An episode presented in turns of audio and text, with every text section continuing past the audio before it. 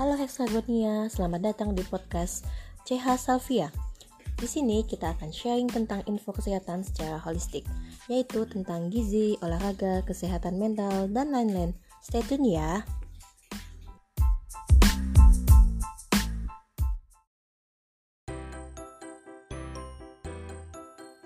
Kami dari JH Salvia mengadakan program edukasi sekitar permasalahan nyeri punggung.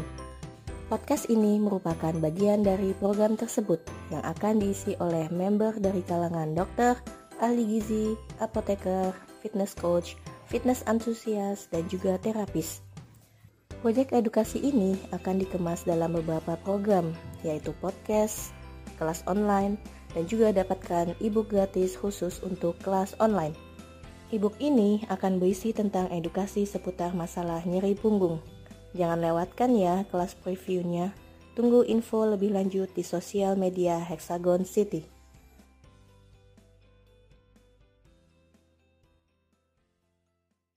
Assalamualaikum sahabat Hexa, gimana nih kabarnya? Semoga selalu dalam lindungan Allah Subhanahu wa Ta'ala ya. Ngomong-ngomong, sahabat Hexa sering dengar nggak sih katanya Bu AA nih hmm, bukan nama sebenarnya. Garam Himalaya baik untuk hipertensi loh. Fakta atau mitos? Ya, selamat datang di episode pertama podcast Kuat Salvia Sehat dan Kuat. Kali ini bersama saya Dila akan membagikan info seputar hipertensi sekaligus menjawab isu-isu tentang hipertensi yang dibawa Bu AA tadi. Oh ya, sebelumnya sekedar info nih sahabat Hexa, Bu AA ini sekali lagi bukan nama sebenarnya ya, baru saja didiagnosis hipertensi dan telah diberi obat antihipertensi oleh dokter. Oke, pertama-tama kita bahas dulu nih, apa sih hipertensi itu? Hipertensi biasa kita kenal dengan tekanan darah tinggi. Kalau sahabat Hexa mengukur tekanan darah, kan ada hasilnya tuh, angka atas per angka bawah. Jika angka atasnya itu 140 mm raksa ke atas dan atau angka bawahnya 90 mm raksa ke atas, maka sudah dikatakan hipertensi. Ada dua organ sahabat reksa yang mempengaruhi tekan darah kita. Pertama, jantung. Kalau jantung ini terlalu banyak memompa darah, maka tekanan darahnya akan meningkat. Yang kedua, pembuluh darah.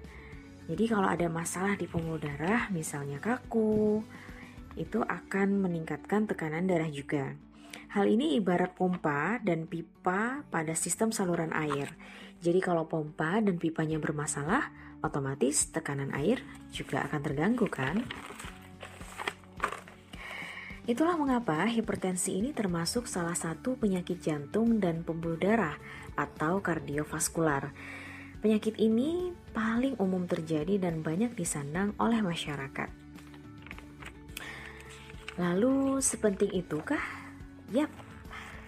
Data WHO atau Organisasi Kesehatan Dunia itu menyebutkan sejak tahun 2015 ada sekitar satu dari tiga orang di dunia yang didiagnosis hipertensi dan diperkirakan 10,44 juta orang meninggal akibat hipertensi dan komplikasinya. Data ini tidak berbeda dengan data kematian yang ada di Indonesia. Jadi data penyebab kematian di Indonesia itu 36,9 persennya ya paling besar. Itu disebabkan oleh penyakit kardiovaskular. Nah kita tahu tadi hipertensi ini termasuk ke dalam penyakit kardiovaskular. Nah sahabat Hexa masih ingat dengan Bu AA tadi? Mari kita simak isu tentang hipertensi yang dibawa oleh Bu AA. aku ini tekanan darahnya tinggi ya tapi aku loh nggak ada keluhan. Katanya orang hipertensi itu sakit kepala. Aku enggak. Jantung berdebar-debar. Nggak juga. Gelisah penglihatan kabur. Mudah lelah. Gak juga tuh. Terus ada yang bilang susah tidur. Mukanya merah. Sering keringetan. Nggak ada juga. Lah nggak usah repot-repot lah mikirin tekanan darah tinggi. Badanku aja lo enak-enak aja baik-baik aja nah sahabat Hexa pernyataan Bu AA ini perlu kita koreksi nih Memang benar, gejala yang disebutkan Bu AA tadi adalah beberapa gejala yang bisa muncul pada orang hipertensi. Tapi faktanya berbicara lain, karena hipertensi ini sudah lama dikenal sebagai silent killer. Data dari Amerika Serikat menunjukkan bahwa ada 103 juta penduduk yang menderita hipertensi tapi tidak menyadari bahwa mereka menderita hipertensi. Jadi, Tekanan darah tinggi ini memang pada umumnya tidak bergejala. So, rutin cek dan kontrol tekanan darah ya sahabat Hexa. Lanjut ke Bu AA, lagi-lagi berceloteh nih. Aku ini menderita hipertensi, tapi sekarang tekanan darahku sudah normal loh. Jadi ya nggak perlu minum obat lagi dong. Nah, sahabat Hexa, tekanan darah tinggi bisa menjadi penyakit seumur hidup jika tidak terkontrol dengan baik, justru bisa menyebabkan masalah kesehatan yang lebih serius. Bayangkan saja, seluruh tubuh kita ini dialiri darah, maka ada berapa banyak organ yang bisa terkena dampak dari tekanan darah tinggi ini. Mulai dari otak bisa terkena stroke, kemudian bisa terjadi kerusakan retina mata. Turun lagi ke bagian tubuh yang di bawahnya ada jantung, bisa gagal jantung Lalu di bawahnya lagi ada ginjal, bisa gagal ginjal. Kemudian bisa terjadi gangguan pembuluh darah tepi, bahkan terjadi gangguan saraf. Bahaya kan? Jadi tetap kontrol rutin dan konsultasi ke dokter ya sahabat Hexa. Nah, siapa saja yang beresiko terkena hipertensi? Pertama, orang dengan diabetes mellitus. Yang kedua, orang memiliki berat badan yang berlebih atau obesitas. Yang ketiga, orang kurang aktivitas fisik. Yang keempat, orang yang kurang makan buah dan sayur. Yang kelima, perokok. Nah, perokok di sini bisa perokok aktif dan juga pasif ya. Jadi kalau perokok pasif, aku nggak ngerokok kok gitu ya. Tapi di sekitarnya banyak orang merokok, sering menghidup, menghirup udara rokok. Itu juga termasuk yang berisiko terkena hipertensi. Kemudian yang keenam, stres yang tidak terkendali. Selanjutnya, riwayat hipertensi di keluarga. Nah, tapi bukan berarti menyerah begitu saja, karena faktanya banyak orang-orang yang menjaga pola hidup sehat tidak jatuh pada kondisi hipertensi meskipun punya turunan keluarga hipertensi. Selanjutnya adalah asupan garam yang berlebihan. Nah, Bu AA datang lagi nih sahabat Hexa. Lah, kalau gitu nggak usah konsumsi garam sama sekali. Ntar kalau makan garam bisa mati loh. No ya sahabat, rekomendasi di sini adalah dibatasi. Jadi, sehari asupannya dibatasi 5 gram per hari atau setara dengan 1 sendok teh. Bukan berarti diet garam total atau nggak sama sekali loh ya. Karena garam ini sebenarnya juga penting loh buat fungsi otot dan saraf tubuh kita. Aku lo masak nggak pakai garam dapur, pakainya garam laut, sea salt, kosher itu loh. Atau yang pink-pink itu loh garam Himalaya, sehat kok itu buat darah tinggi. Nah, ini nih yang disebarkan Bu AA di awal. Sahabat tahu, isu ini adalah mitos. Faktanya, perlu kita perhatikan bahwa kandungan nutrisi yang menyebabkan darah tinggi itu adalah kandungan natrium atau sodium atau soda ya, atau yang bersimbol huruf Na di label nutrisi. Jadi mau garam laut atau sea salt, garam Himalaya atau pink salt, rock salt, black salt, unicorn salt. Pada dasarnya itu garam ya tetap garam gitu. Nah, kandungan natrium antara garam dapur, garam laut, garam Himalaya itu sebenarnya hampir sama saja, sahabat.